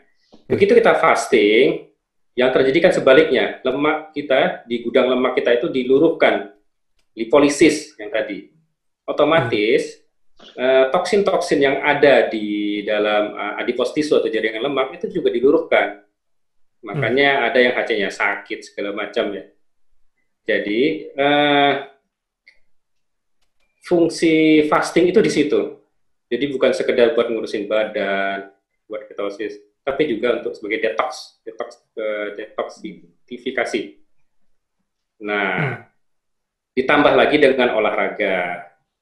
Nah, makanya untuk makanan memang nggak susah di zaman modern ini ya. Hmm. Kalau buat kita emang gampang aja uh, pergi ke pasar beli ayam yang masih hidup, potong udah jadi. Tapi kadang uh, ada yang pengen burger macam. Nah, itu yang uh, faktor psikisnya yang harus ya pinter-pinter lah ya. Pengen. Pengenannya ini. Tapi itu jangan dijadikan sesuatu yang apa Wajib ya, gitu. Uh, bikin stres tuh enggak. Hmm. Makanya kita punya lima pilar itu tuh dimainkan. Setelah dimainkan itu, aduh, pengen burger uh, apa nih? Judulnya mungkin burger tapi kita nggak tahu kan bahannya apa, nggak tahu juga. Atau ya mungkin contoh lain lah yang misalnya uh, ada sayuran tapi kena pestisida atau uh, ikan ada merkurinya. Aduh kalau mikirin gitu ya ya susah gitu ya. Makanya lama-lama puasa nggak makan aja. tapi betul Mas buat dulu saya mikir gitu. Nah ini ikan ada merkuri, sapi gelondongan, makan ini pestisida. Ya udah nggak usah makan. Eh ternyata beneran. Eh, setelah beberapa tahun setelah itu ketemu KF ya, memang nggak makan fasting jadinya. Itu jawabannya. ya, ya kita milih makanan semampunya. Ya. Kita kan punya ya. guidance di di apa namanya dilakukan semampunya. Jangan sampai strict harus eh, apa namanya yang yang yang apa tanpa pestisida itu. Organik. Organik, organik ya. Hmm. kemudian kalau nggak dapat itu stres lah. Stres kan naikin gula darah juga. Ke mana-mana juga perginya. Jadi balance ya. Oke. Okay. ya itu aja sih mantap mantap. Jawabannya sih sudah sudah ini sudah ekspresif banget kalau kata Mas Tio, mirip kayak Mbak Eva juga. uh, aku langsung uh, berpindah ke ini, Mas Eka nih, mewakili pertanyaan teman-teman. Ini aku bisa rangkum nih, untuk tadi kan banyak membahas uh, dasar evidence base untuk ketogenic diet terhadap beberapa penyakit. Nah, ini ada yang nanya, kalau untuk autis bagaimana? Itu satu. Kemudian apakah masih efektif untuk Alzheimer yang kondisi mungkin statusnya sudah berat sekali? Ya kan? Nah, itu dulu deh. Monggo Mas Kika. Ya, kalau buat yang sudah berat, seperti bilang tadi, penelitian ini hanya boleh dikerjakan pada yang tidak terlalu parah. Tapi ada tadi yang volunteer, yang satu orang. Kita hmm. lihat dari kondisi dia, ternyata uh, perbaikannya uh, lumayan. Jadi nggak ada salahnya kita tidak uh, apa ya berikhtiar untuk terapinya. Istilahnya nggak ada ruginya kita melakukan ini. Mudah-mudahan dapat untungnya. Itu kalau buat yang uh, Alzheimer. Sedangkan hmm. kalau autis, nah autis ini kan sebenarnya kalau dibilang adalah suatu spektrum gejala klinis. Yang kita harus cari sekarang apa penyebab autisnya apa ada infeksi di otak, apa ada gangguan metabolisme dan lain-lain. Jadi tetap kita harus cari dulu masalah awalnya apa. Istilahnya kayak gini. Diet ketogenik ini memperbaiki metabolisme tubuh. Kayak kita punya perahu bocor berisi air. Ketogenik ini ngeluarin airnya. Tapi hmm. bocornya harus dicari dulu. Kalau memang ada infeksi kronis, CMV, uh, TORS atau segala macam, ya infeksinya harus selesai karena ketonya memperbaiki infeksi masih jalan atau memang dia ada metabolis tertentu atau dia ada keracunan or, apa logam-logam berat yang juga bisa bikin seseorang menjadi autis. Nah, semua itu harus kita hilangkan. Nah, memperbaikinya bisa dengan KF, tapi menghilangkannya ya penyebab utamanya yang harus kita cari. Infeksinya masih ada apa tidak, keracunan zat-zatnya mas atau hal-hal yang lain itu yang kita cari. Nanti setelah dengan KF juga kita perbaiki fungsi otaknya. Nah, kita bisa fisioterapi, bisa dengan terapi neurofeedback, bisa dengan ya segala macam lah untuk memperbaiki fungsi otak. Jadi semua penyebabnya kita hilangkan, metabolisme kita perbaiki, isi otaknya kita kembalikan sehingga ke tingkah lakunya sama seperti anak seusia. Nah, hmm. seperti itu. Oke. Melanjutkan ini dok, sedikit ada yang eh, masih suka sensi nih kalau me melihat beberapa uh, penampakan di badannya seperti ada benjolan lah atau yang yang dibilang beberapa dokter ini bilang itu uh, lemak berlebih seperti benjolan di mata terus apa ini yang yang ada di biasanya di sini itu uh, di ya, kening ya, gitu. Santelesma. Ah, santelesma. nah, itu uh, berbahaya nggak sih? Terus uh, ya pertanyaannya klasik sih. Bisa nggak dengan uh, pola makan rendah karbo ini ibaratnya gitu? Monggo. Uh, jadi uh, penumpukan lemak itu sering juga kita bilang dengan proses aging. Dia uh, bertambah usia, jadi tubuh menyimpan lemak di tempat-tempat yang tidak seharusnya. Nah, kalau dengan KF kita bisa sampai ke proses autofagi, nah, diharapkan benda-benda atau zat-zat yang tidak pada tempatnya akan dimetabolisme sehingga bisa uh, berkurang kondisinya. KF itu suatu ikhtiar, tapi bukan semuanya dengan KF bisa sembuh. Kita harus cari misalnya naik motor jatuh, tulangnya patah.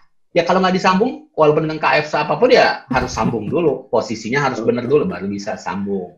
Jadi Selatan, kita lihat, nah apa yang menjadi penyebab? Kalau sudah disambung, nanti penyembuhan lukanya dibanding tidak, tidak KF pasti lebih cepat. Tapi kalau tulangnya patah, putus, nggak disambung ya, apakah bisa tumbuh lagi tuh tulang? Ya enggak. Jadi semuanya kita harus ikhtiar, semuanya kita perbaiki. Nah, seperti itu.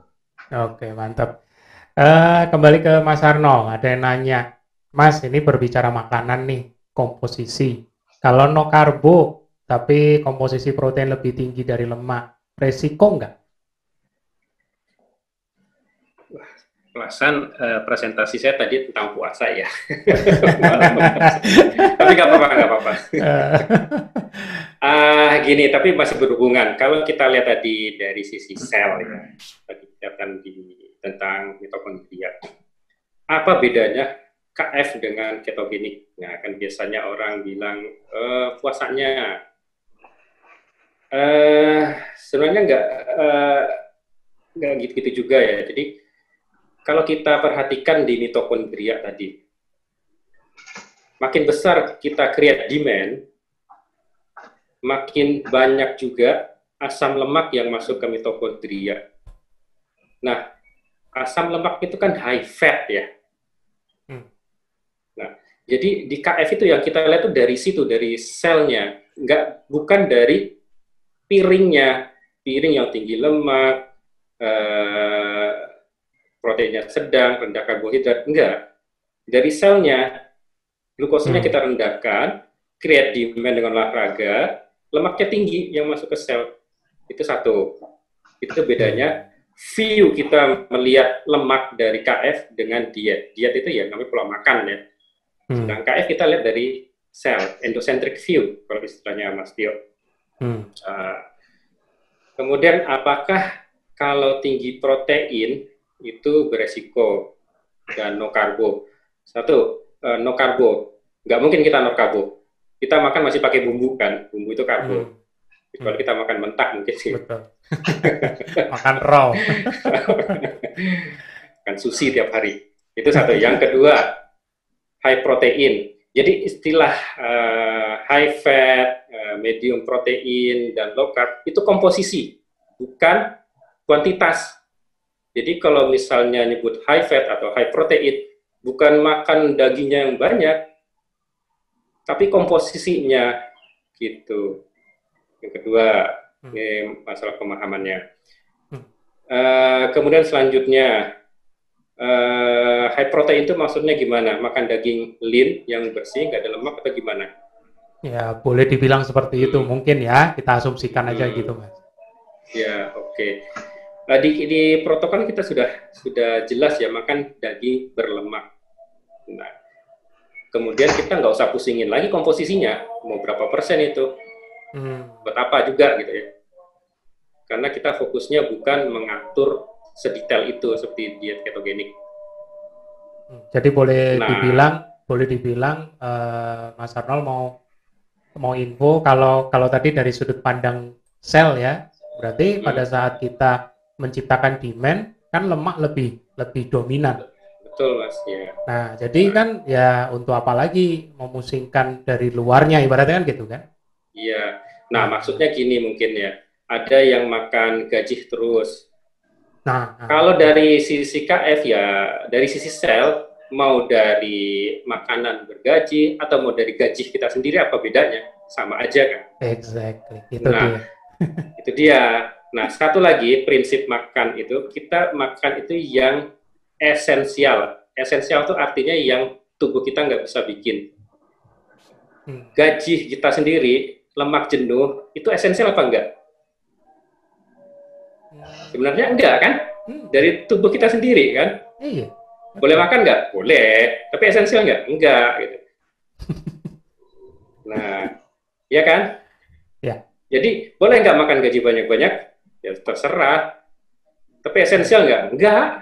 Makanya di, di protokol itu kan makan daging berlemak, bukan makan lemak. Hmm. Makan lemak ya dari badan aja dengan create demand olahraga itu udah makan lemak sel-sel kita. Hmm. Nah, high protein proteinnya seberapa sih sanggupnya kita? Hmm. Gitu. Misalnya nih kita no karbo, makan protein banyak. Kalau kita nggak create demand dengan latihan beban, ya percuma juga, dibuang juga. Hmm. Kecuali kita makan uh, high protein, high karbo juga, nah baru benar beresiko. Oke. Okay. Gitu. Cukup jelas itu. itu ya. Nah, ya. cukup jelas uh, pertanyaannya. Uh, Mas Tio mau nambahi sebagai ini? Aku udah tahu Mas Tio rada gemes-gemes soalnya kalau pertanyaannya seputar. Habis ini aku buka dua slot untuk pertanyaan live. Uh, teman-teman peserta bisa raise hand ya, cepet-cepetan. Monggo Mas Tio, ya. tambahin. Ya kalau aku ini cuma perjelas yang Mas uh, Arnold bilang, misalnya masih ada yang belum jelas, maksudnya gimana saya nggak makan lemak tapi sel saya dapat lemak banyak, maksudnya gimana? Mungkin takutnya yeah. kurang jelas. Maksudnya dari sisi endocentric view itu tujuh, jadi gini, ketosis ketosis itu ketosis itu di mana high fatnya itu high fat di kondisi ketosis itu artinya sel-sel di tubuh kita itu dominan pakai lemak. Nah, di kondisi puasa kita pakai lemak di badan, di kondisi makan kita bisa pakai lemak di makanan kombinasi dengan lemak di badan. Nah, kayak gitu kayak yang gue bilang tadi. Tadi kan gluconeogenesis pada saat kita makan gula darah yang naik ialah kombinasi gluconeogenesis dan karbo dari makanan, glukosa yes. yes. Kondisi puasa, gluconeogenesis gulanya di darah itu cuma full dari liver. Yes. Pada saat sisi lemaknya gimana? Pada saat kita nggak makan, lemak lemak badan mendominasi suplai lemak ke seluruh tubuh kita untuk saat hmm. pakai.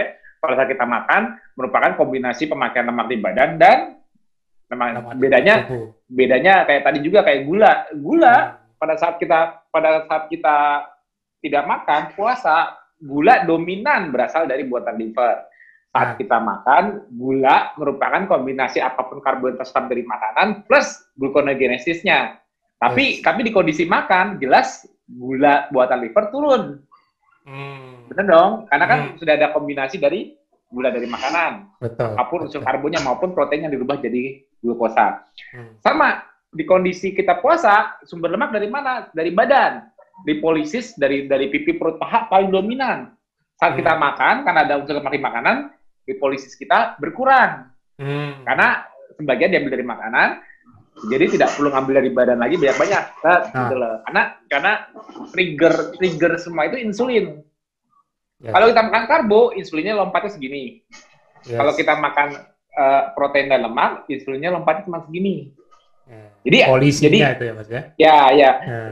Lompatan lompatan insulin cuma segini dengan protein dan lemak itu memberikan efek juga ke lipolisis yang lepas lemak dari pipi perut stop dulu jangan banyak-banyak keluarnya ini dari dari makanan. Nah, jadi jadi insulin itu signaling bahwa kita masuk energi. Nah, itu doang. Jadi lengkapin apa yang dimaksud biar nggak bingung gaji dari gimana caranya gaji dari kita diambil. Nah itu itu itu triggernya insulin. Jadi basal insulinnya makin turun mengizinkan lepasnya lemak dari tubuh lebih banyak. Yes. basal insulin yang mulai naik kembali karena kondisi makan fat state membuat Eh, pengambilan lemak dari dari badan berkurang, pembuatan gula dari liver menurun. Itu rasanya hmm. gitu aja. Oke. Ya. Mantap.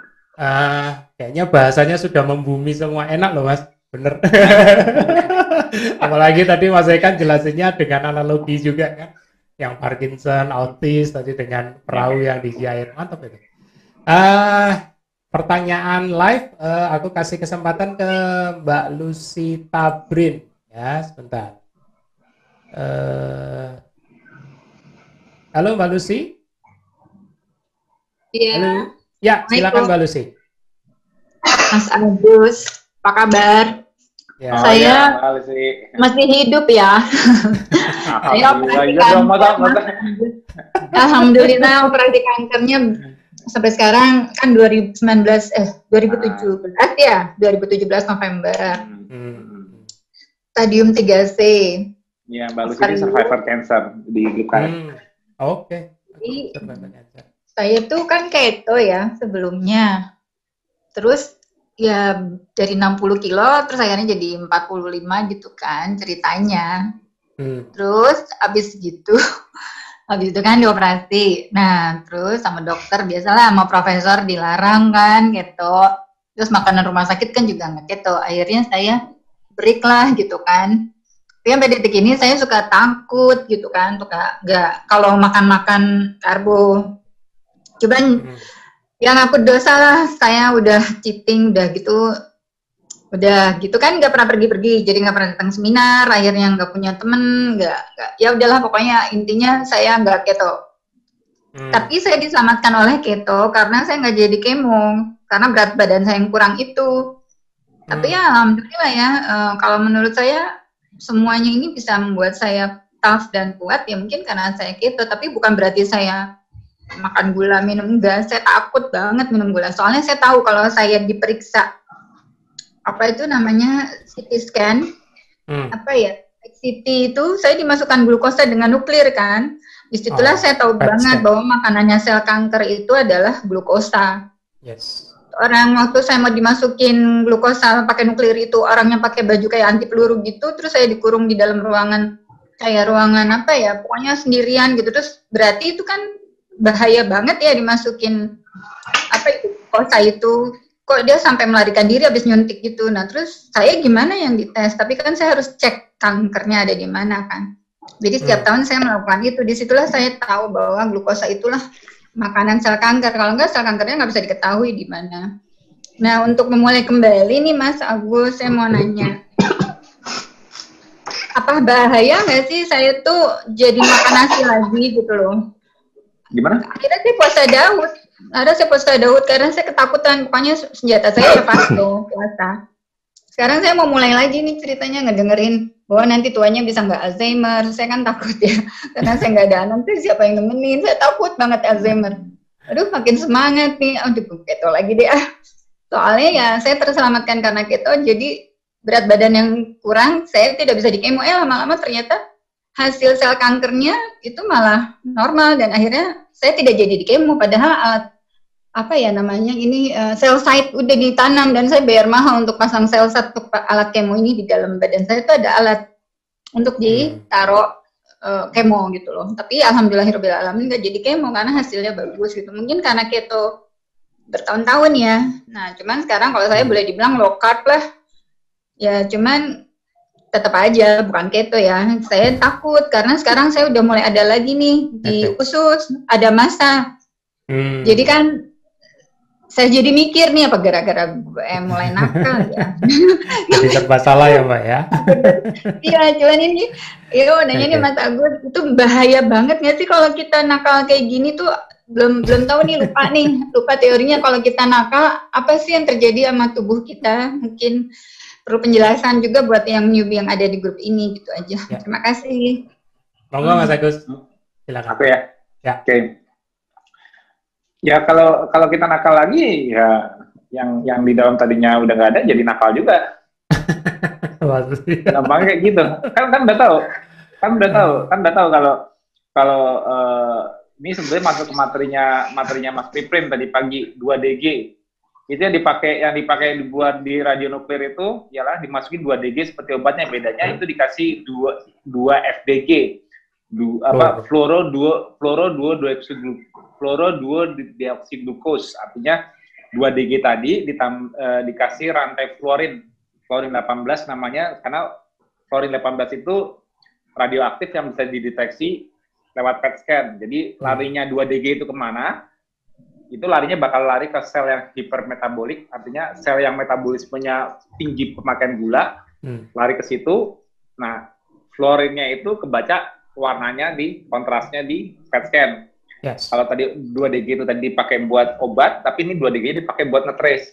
Tapi dia bakal mencari sel-sel yang mana yang rakus gula. Saat ada gula, dia dia duluan yang dapat. Jadi kalau jadi gini, kalau Mbak Lucy merasa punya sel yang ada ada sel nakal di tubuhnya yang hypermetabolik, artinya gini, sel nakal yang hypermetabolik artinya, apa? artinya gini, kalau nggak ada gula, hanya ada lemak, dia stres. Tapi kalau ada, ada gula, dia menang. Kenapa? Karena Mbak lihat kan, di mana lokasi sel cancer Mbak, misalnya contohnya ada masa di usus dari PET scan ketahuan Kenapa sel usus lain nggak berwarna nggak berwarna kontrasnya dari dari 2DG, cuma dia doang berwarna. Berarti kemampuan sel kanker ialah dia mampu menguasai asupan gula dibanding sel di sekitarnya. Artinya sel normal kalah, sel kanker menang. Hmm. Jadi saat kita nakal, kita memasukkan unsur yang ah Disuka. jadi gini gampangnya mikir kalau aku nakal aku ngasih makan cancer kalau aku nggak hmm. nakal aku ngasih makan sel normal itu aja gampangnya mudah awamnya. Kenapa? Kenapa dibilang makasih makan sel cancer? Kenapa? Kalau aku nakal, makan unsur ada glukosanya, udah tahu di PET scan bahwa warna merahnya atau warna kontras yang dipakai itu larinya ke dia. Berarti hmm. aku lagi nakal nih. Berarti ah gak apa-apa deh, aku kasih makan si sel cancer deh. nah kalau mbak mikir gitu, masih mau nakal gak? Nah gitu. Jadi jadi buat buat setiap mbak makan unsur glukosa berlebih, udah belajar sendiri bahwa radio radiologi pun menggunakan 2DG yang merupakan analog glukos ya, itu mirip seperti hmm. glukos rantainya, hmm. cuman cuman cuman dia tidak bisa di apa di dilanjutkan ke metabolisme glikolisis sumber ATP. Hmm. Tapi itu menunjukkan kalau ada glukos juga bakal ke lokasi yang sama di mana sel kanker mengalahkan sel-sel di sekitarnya. Hmm. Nah, itu aja aku. Cuman kalau untuk untuk Mbak juga e, karena ini materinya hari ini lengkap ya. Ingat ingat juga mengenai stres dan ketosis yang sudah dibahas oleh Mbak Eva. Hmm. Juga jangan parnoan. Nah, sekarang udah aku jelaskan kayak gini nanti parnonya muncul baru lagi. Masalah lagi apa karena begitu begitu parno lagi banyak banyak banyak takutan lagi akhirnya udah nggak makan karbohidrat gula darah malah tinggi terus. Kenapa ya? Nah, semua tadi kalau diulang dijelasin sama mbak Eva. Percuma nggak makan karbo tapi stres tinggi efek yeah. terapeutiknya nggak dapat jadi tujuan pertamanya nggak makan karbo nggak makan karbo untuk untuk efek terapeutik terhadap suatu penyakit yang ingin dilawan contohnya cancer atau tumor atau sel abnormal apa pun itu melalui, melalui ataupun virus tapi hmm. ternyata kalau aku aku stres hmm. gluconeogenesisnya buatin gula juga banyak-banyak jadi kan kan kan yeah. cancer kan nggak peduli mau gula dari makanan kayak mau gula dari liver mau gula dari liver kayak di darah kan yeah. sama gulanya bukan bukan yang dari makanan gulanya warna merah, yang dari dari liver gulanya warna putih kan enggak hmm. sama. Hmm. Taunya konsentrasi gula meningkat ya dia pakai. Hmm. Nah, jadi jadi yang stres dan ketosis yang tadi dijelaskan oleh Mbak Eva juga juga di dalamin kita manajemen stres itu penting ya. ya. Terus sama sama manajemen sama gaya hidup seperti yang dibilang Mas Piprim ya. itu penting ya dan dan tadi juga Mas Arnold bilang metabolisme berpuasa yang bisa menseleksi mana teman dan lawan yang lawan yang nggak bisa yang lawan maksudnya yang bukan sel normal bakal tersingkir atau tertekan atau sulit berkembang hmm. dan yang normal terbukti kecukupannya hmm. dan dilanjutkan dengan Mas Eka terutama otak yang bakal selalu beraktivitas fisik maksudnya kita kita tidak karena hidup kita berdasarkan consciousness. Hmm. Nah, selama kita apa pun gaya hidup kita, kalau otak kita terima, kita bisa jalanin seumur hidup, benar nggak? Yes. Contoh gini, oh hmm. ada ada ada ada gaya hidup terapeutik nih, gaya hidup terapeutik uh, harus harus rendah kalori, rendah kalori itu artinya gini, makannya cuma sedikit, membatasi kalori, ngitung-ngitung kalori, tapi ternyata unsur karbohidrat masih ada, tapi cuma dibatasin untuk terapeutik. Tapi ternyata untuk long term nggak bisa. Kenapa? Karena dalam menjalani ini aku selalu lemes, kelingan, nggak bisa fokus. Walaupun ada efeknya karena kalau restriction bagaimanapun juga memberikan efek terapeutik karena mengurangi porsi ada terapeutik efeknya. Hmm. Tapi untuk long term nggak jalan. Kenapa? Karena kebutuhan otak nggak dipenuhi. Otak hmm. balik keluar masuk dalam kondisi neuroglikemi. Hmm. Nah, ketosis ini jawaban jawaban melakukan gaya hidup kalori restriction. Betul nggak? Ya. Gaya hidup kita kalau dalam orang yang baru mulai uh, eh, KF sama yang udah lama KF makannya makin banyak atau makin dikit? Aku tanya. Makin dikit. Orang para warrior para warrior kita tanya deh. dari awal mulai KF sama sampai udah sekarang ada yang udah setahun, dua tahun, tiga tahun, makannya makin nambah banyak terus apa makin makin bisa membatasi makan? Makin cepat kenyang. Pasti jawabannya jawabannya seragam. Makan mereka jadi tidak sebanyak di awal dulu lagi atau bahkan tidak sebanyak waktu masih makan karbo. Jadi yeah. gaya hidup kita itu ya gaya hidup yang membuat kalori restriction itu menjadi adaptasi. Yes. Kalau dulu kita mengurangi makan itu menyiksa, akhirnya lama-lama nyerah balik ke diet lama. Kenapa? Karena menderita gue. Akhirnya kalau kalah minum teh manis baru seger lagi. Nah, tapi kalau ini asal konsisten menjalankan, justru kita kalau restrictionnya bukan dibuat-buat, dia memang nggak lapar sendiri, itu rahasianya. Hmm. Jadi kalau restriction yang bersifat terapeutik itu terciptanya secara lifestyle. Kenapa? Karena ketosis ialah kondisi yang mengizinkan kita untuk beradaptasi dengan kalori restriction. Hmm. Kalau non ketosis melakukan kalori restriction itu agak sulit. Kenapa? Karena dia seperti yang Mas Eka bilang tadi, bakal ada stage-nya di mana dia di jam-jam tertentu dia di jam-jam tertentu dia mengalami neuroglikemi, neuroglikemi kembali kembali lagi normal, kembali normal karena dia kejar-kejaran terus untuk karena dia nggak nggak pakai keton. Hmm, hmm, nah betul, kalau keton kan nggak harus dari luar gulanya. Kalau keton kan bisa dari lemak di badan. Hmm. Itu rahasianya. Jadi kalau itu dipahami, harusnya uh, aku ulang teori ini harusnya untuk meyakinkan ini menjadi gaya hidup. Nah, ya kan menjadi gaya hidup udah nggak sakit tuh nggak nggak. Jadi gini, kalau Mbak uh, mungkin kemarin keluar dari keto karena tadi ceritanya dari profesornya bilang wah ini gini gini lah banyak kan aku udah bilang. Tanya Mas Eka, Mas Eka pasti bilang atau Mas Piprim. Mas Piprim kalau ada ada orang pasti ke dia, Oke, kalau mau konsultasi sama saya, ke saya aja ya, jangan diadu ke, orang, ke dokter lain ya. Pasti pada maunya gitu. Kenapa? Karena di dokter lain pasti jawabannya beda. Kenapa? Karena karena yang yang dokter lain itu belum menjalankan KF. Jadi mereka nggak hmm. tahu sama sekali. Mereka hanya persepsi, nggak makan karbo. Wah, hati-hati hmm. loh otaknya lemot. Hati-hati loh jadi mat bolot. nah, jadi jadi jadi kadang-kadang jadi mereka hanya menspekulasi. Nah, ya. rata-rata ya. dokter yang yang dokter rata-rata dokter yang di KF tahu hmm. apa?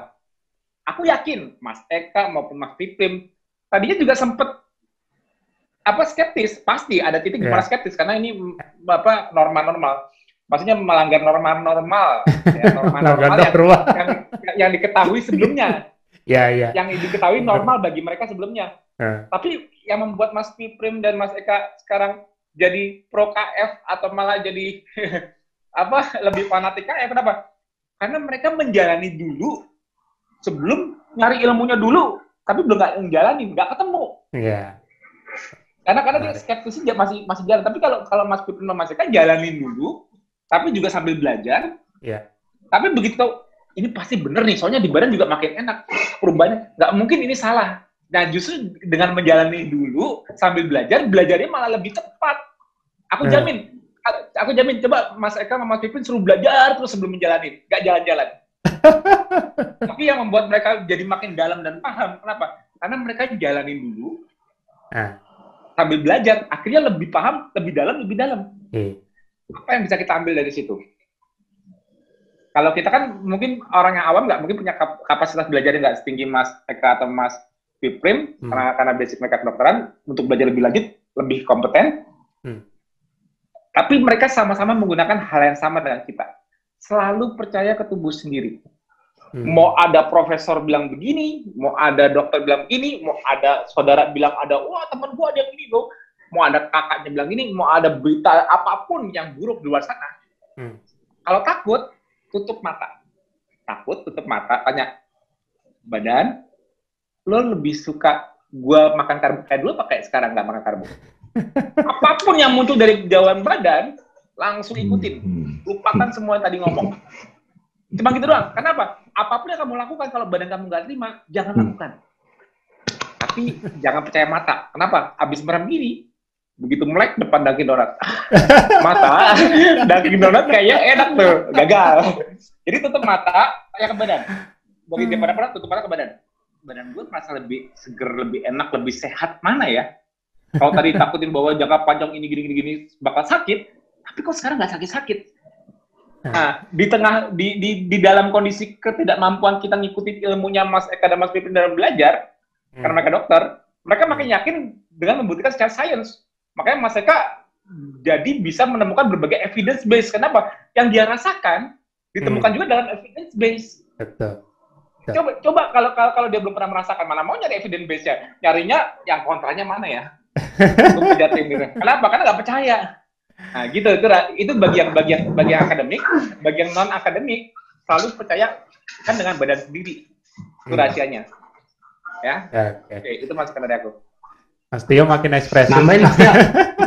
Mas Tio, Mas Tio. Monggo, monggo, monggo. Mas Tio nambahin. Ya, Ingat nggak ya. yang kita tahun lalu acara KF ke angkatan reuni angkatanku yang ah, tahun reuni. yang ma profesor siapa? Profesor Arif Prof. FKW Arif Fahrial nah, dekan FKW ya, Arif Fahrial ya. Nah terus salah satu pembicaranya Gi bos di PNSM buat itu. Jadi alasan kenapa pada pasien kanker nggak boleh makan daging jadi artinya kenapa mereka anti KF sebenarnya kan oh daging itu meningkatkan kanker kata mereka daging merah. Tapi kan si Andika bilang, temanku itu bilang, lihat daging yang mana yang meningkatkan. Ternyata yang definisi daging merah dalam penelitian itu adalah daging olahan, burger, ya segala macam kayak kayak kayak kayak sosis. Yakin itu sosis uh, eh, 100% isinya daging. Jangan-jangan daging cuma 10% sisa tepung apa-apa segala macam. Nah, itu yang bikin terjadinya kondisi pro uh, cancer. Tapi kalau dia dapat daging yang benar daging, real food, hal itu tidak terjadi. Nah, jadi harus kalau baca jurnal, lengkap yeah. nih kita baca apanya. Daging yang mana yang bikin. Makanya kenapa? Oh, nggak boleh KF karena makan daging. Daging yang mana? Nah, seperti itu. Kan udah pernah kita bahas tuh tahun lalu, Mas Tio ya. Ya, betul. Ya, kita kan kerjanya ngebantai jurnal. iya lah, kalau di kalau kalau yang masuk grup telenakes tahu kerjaan kita kan ngebantai jurnal. Karena kita nggak juga nggak percaya 100% dari saintis, buatan saintis. Mau saintis, mau saintis yang bikin jurnal 10 jurnal, kalau dia dia benang merahnya nggak ketemu, jadi terbelang aja kayak itu jelek. Dia buktikan dengan berbagai hipotesa, dengan dengan melalui berbagai hipotesa dan melalui protokol yang benar. Contoh gini, contohnya contohnya ada ada jurnal yang bilang jurnal meta analisis yang bilang gini, oh semakin rendah karbohidrat di komposisi makanan akan meningkatkan mortalitas karena bakal memunculkan kanker, hipertensi dan sebagainya. Dites dengan hipo dengan dengan protokol protokol sains dites di masyarakat. Coba suruh ngisi kuesioner isi makanan. Pokoknya yang ngisi makanan dengan karbohidratnya paling rendah pasti pasti lima berapa puluh sepuluh tahun lagi pasti pada sakit. Terbukti. Oh, bener kan? Tuh. Hmm. Secara hipotesa dan penjalanan protokolnya menurunkan karbohidrat meningkatkan mortalitas. Bener. Terus kalau itu begitu dia selesai dapat dapat dapat dapat hasil resultnya dia terus dia bilang keto berbahaya karena nggak ada karbohidrat. Loh kenapa kenapa kenapa jadi hubungan ditarik ke keto? Kenapa? Ini bukti saya penelitiannya sudah sesuai protokol di masyarakat saya kasih kuesioner bahwa begitu mereka ngisi karbohidratnya lebih rendah banyak yang banyak yang tambah sakit Tahu nggak kemarin kita di grup Nakas ngebantainya gimana? Ya iyalah. Sekarang bayangkan kalian sendiri yang jadi peneliti. Nggak usah seluruh, nggak usah seluruh Jakarta deh.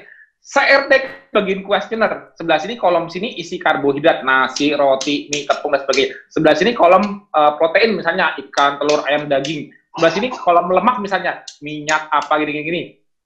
Coba semua kuesioner yang mereka balikin kalau kalau kalau yang protein dagingnya dan dan lemaknya tinggi, otomatis karbohidratnya rendah nggak? Benar kan? Iya. Nah, kelihatannya, kelihatannya sih rendah. Nah, orang-orang yang makan nasi tapi nasi tapi banyak ikannya, dagingnya, banyak lemaknya, sama orang yang makan ikannya lebih dikit. Jadi gini, gampang ini.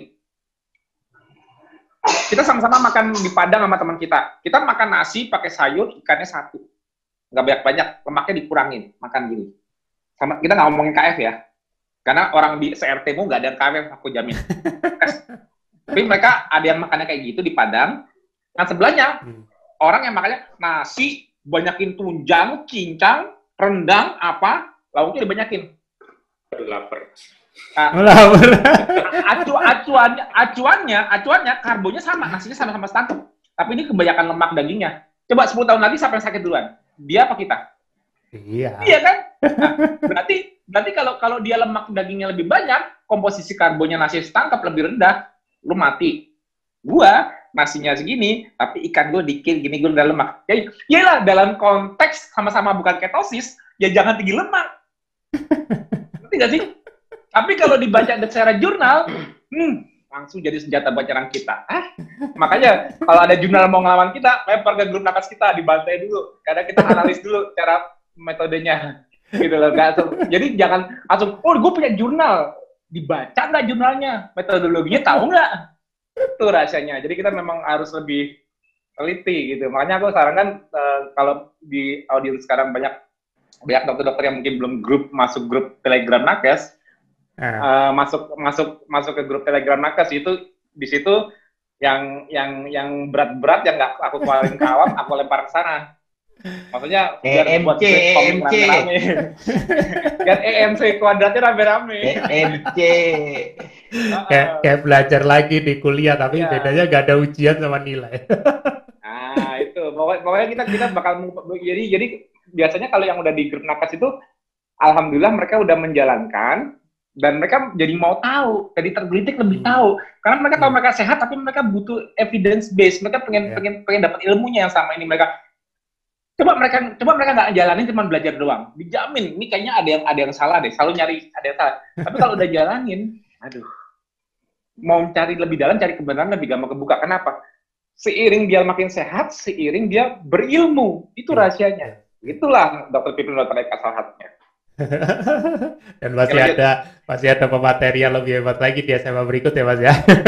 ya, nanti TFH berikutnya, eh, sorry, TFH dan SFH berikutnya oh, iya. di tanggal 28 SMA lagi kita dengan uh, kombinasi dua nakal dan dua FSC lagi. Okay. Uh, eh, pertanyaan terakhir nih, kita sudah menjelang penghujung. Ada dari Mbak Sianturi, Mbak Sri Sianturi. Silakan Mbak. Halo Mbak Sri. Halo. Dia resen mas, angkat aja. Resen, resen. Udah, udah saya angkat. Halo Mbak Sri. Iya, halo. Ya, silakan. Oh iya. iya. Ya. Uh, gini Mas Tio, tadi kan Mas Tio udah bahas mengenai otak ya. Tadi dokter hmm. siapa ya bilang kalau kalau keto itu Kak. ternyata uh, tujuannya yang utama tuh ke otak. Uh, memang saya ngalami juga uh, itu uh, dengan tadinya saya minum obat darah tinggi dengan kolesterol, tapi Mas Tio kan bilang waktu itu sama saya supaya lepas. Memang uh, waktu itu saya pernah ke dokter Tan, dokter Tan bilang kalau kita minum kolesterol itu sebenarnya bikin otak kita itu lama-lama jadi bodoh karena otak itu butuh kolesterol. Tapi kan gara-gara saya nggak ada way out, ya kan saya minum kolesterol dengan darah tinggi karena dokter saya ingetin nanti lu kena jantung loh. Nah, atau stroke. Nah, tapi ya saya bersyukur saya udah lepas, memang saya rasa otak saya makin makin lumayan cok cer karena kan saya guru matematika ya. Nah, mantap. Uh, iya. Kayaknya dulu sudah sempat kayak mandek gitu kayak sekarang kok kayaknya kayak gak habis-habis gitu loh. Untuk, untuk guru matematika, kalau guru bahasa aku paling takut karena bahasa aku dulu jelek banget. Masukannya matematika. Iya. Maklum anak teknik. Eh, saya juga anak teknik mas elektro. Sama elektro juga tuh. Eh, mas, ya, maksud saya begini mas, uh, saya punya adik ya, dia ada OCD. Hmm. Uh, terus juga dulunya uh, sebelumnya ini uh, kurang dari setahun yang lalu sebenarnya pasien dokter dari uh, dokter jiwa ya, tapi memang nggak terlalu berat. Jadi saya lupa judulnya, apalagi ada tiga macam gitu selain OCD, skizo apa-apa gitu, pokoknya uh, nah, efektif disorder. Terus uh, oh, sorry bipolar disorder. Nah, hmm. saya dengar ini saya kaget juga gitu apa ini bisa menolong adik saya nggak ya? Karena dia sekarang nggak mau minum obat. Karena waktu itu dia minum obat, otaknya jadi nggak nggak bisa jalan, di kerjaan nggak bisa, buntu. Hmm. Jadi saya coba berhentiin obat, tapi moodnya itu suka meledak-ledak, kurang terkontrol. Jadi dia hmm. kurang bisa menguasai emosi. Uh, terus tadi ada hubungan dengan mood juga. Jadi tapi saya masih belum dapat nih. Jadi apa kalau saya minta dia jalanin keto menolong nggak ya buat otaknya dia ya? Nah, silakan Mas Eka, kalau Mbak Mbak Eva aktif, buka screen Mbak Eva juga. Berdua yang jawab. Mas Eka dan ya. dan Mbak Eva. Mbak Eva masih aktif kan? Masih. Ya. Mbak Eva lagi benerin kabel katanya. Oh ya udah, Mbak Eka, Mas uh, Eka dulu, ayo. Hmm. Jadi kalau kalau saya dari pengalaman saya kan karena sebagai neurolog saya megang juga beberapa pasien dengan misalnya gangguan mood, gangguan konsentrasi, kebutuhan khusus. Uh, saya juga punya gria. Jadi uh, selain obat, saya misal buat kejang buat apanya kita perbaiki fungsi otaknya. Gelombang otaknya bisa kita perbaiki misalnya dengan neurofeedback, fisioterapi dan lain sebagainya. Kemudian uh, di geria itu anak-anak itu juga kita berikan protokol yang KF. Cuma karena anak uh, jadi bukan induksi sudah di fase maintenance, ternyata perbaikan kognitif, uh, gaduh gelisahnya, segala macam lebih baik. Cuma memang KF ini harus dimulai dari kesadaran pasien. Kalau anak masih gampang lah, anak kecil mau makan masih kita paksakan lah dia makan ini, tidak makan ini. Cuma kepada orang dewasa memang relatif lebih sulit untuk mengatur pola makan karena dia sudah bisa mengatur dirinya sendiri. Kalau nggak dikasih dia keluar rumah bisa nyari makan sendiri. Kalau pada anak saya lebih gampang untuk mengatur uh, apa yang boleh, apa yang tidak boleh untuk dimakannya uh, pengalaman saya, misalnya anaknya tantrum, gaduh gelisah, yang pada bipolar, bisa lebih tenang, tidak gaduh gelisah, tidak, misalnya uh, uh, pasien saya ada yang seminggu sekali pasti harus ada uh, piring atau apa yang pecah.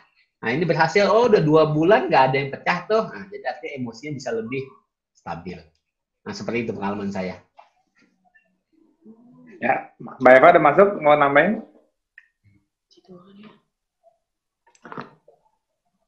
Halo Mbak Eva. Ya Mas, tadi pertanyaannya apa bisa diulang lagi intinya? Ya Mbak Sri. Mas Bud. Halo.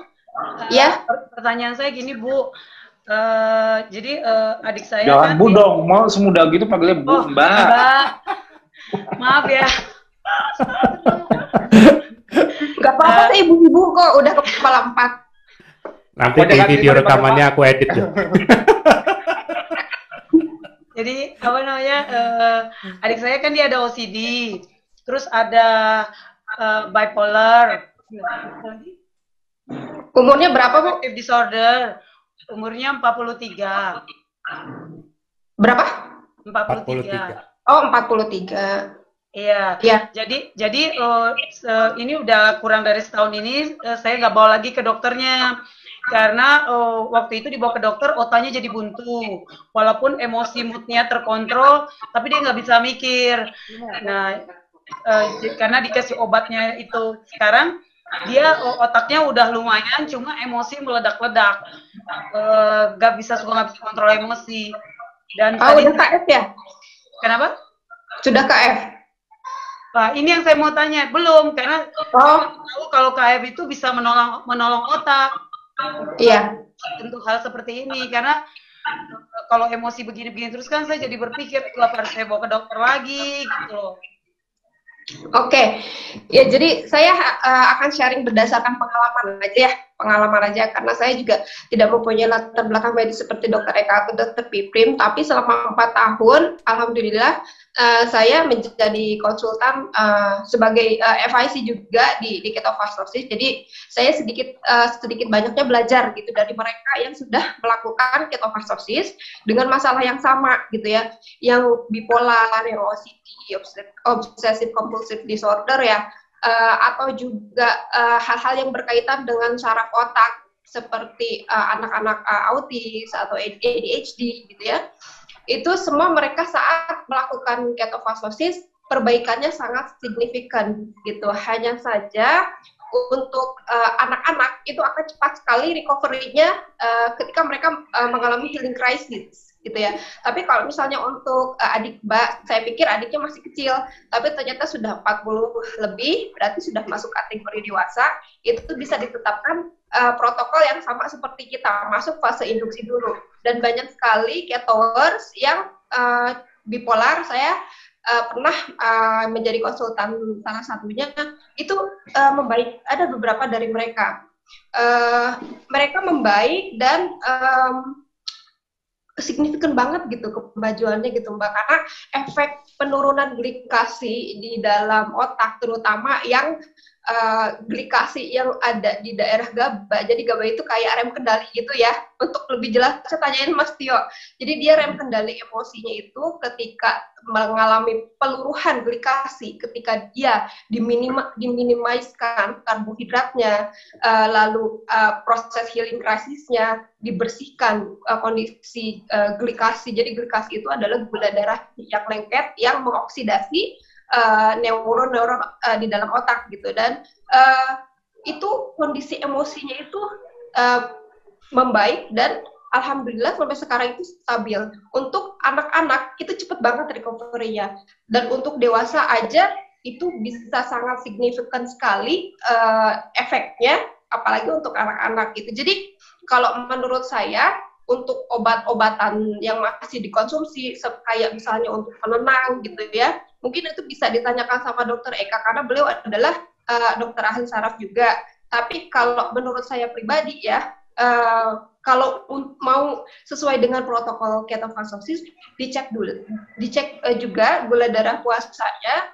Jadi uh, kita tidak against obat-obat uh, medis sebetulnya. Karena kan uh, banyak sekali orang yang bermasalah secara metabolisme uh, melakukan ketofastosis, tapi mereka masih ketergantungan obat uh, sebagai penyeimbang gitu. Nah, ketika melakukan ketofastosis itu nggak masih dikonsumsi obatnya, tapi juga patokannya uh, ngeceknya di gula darah puasanya.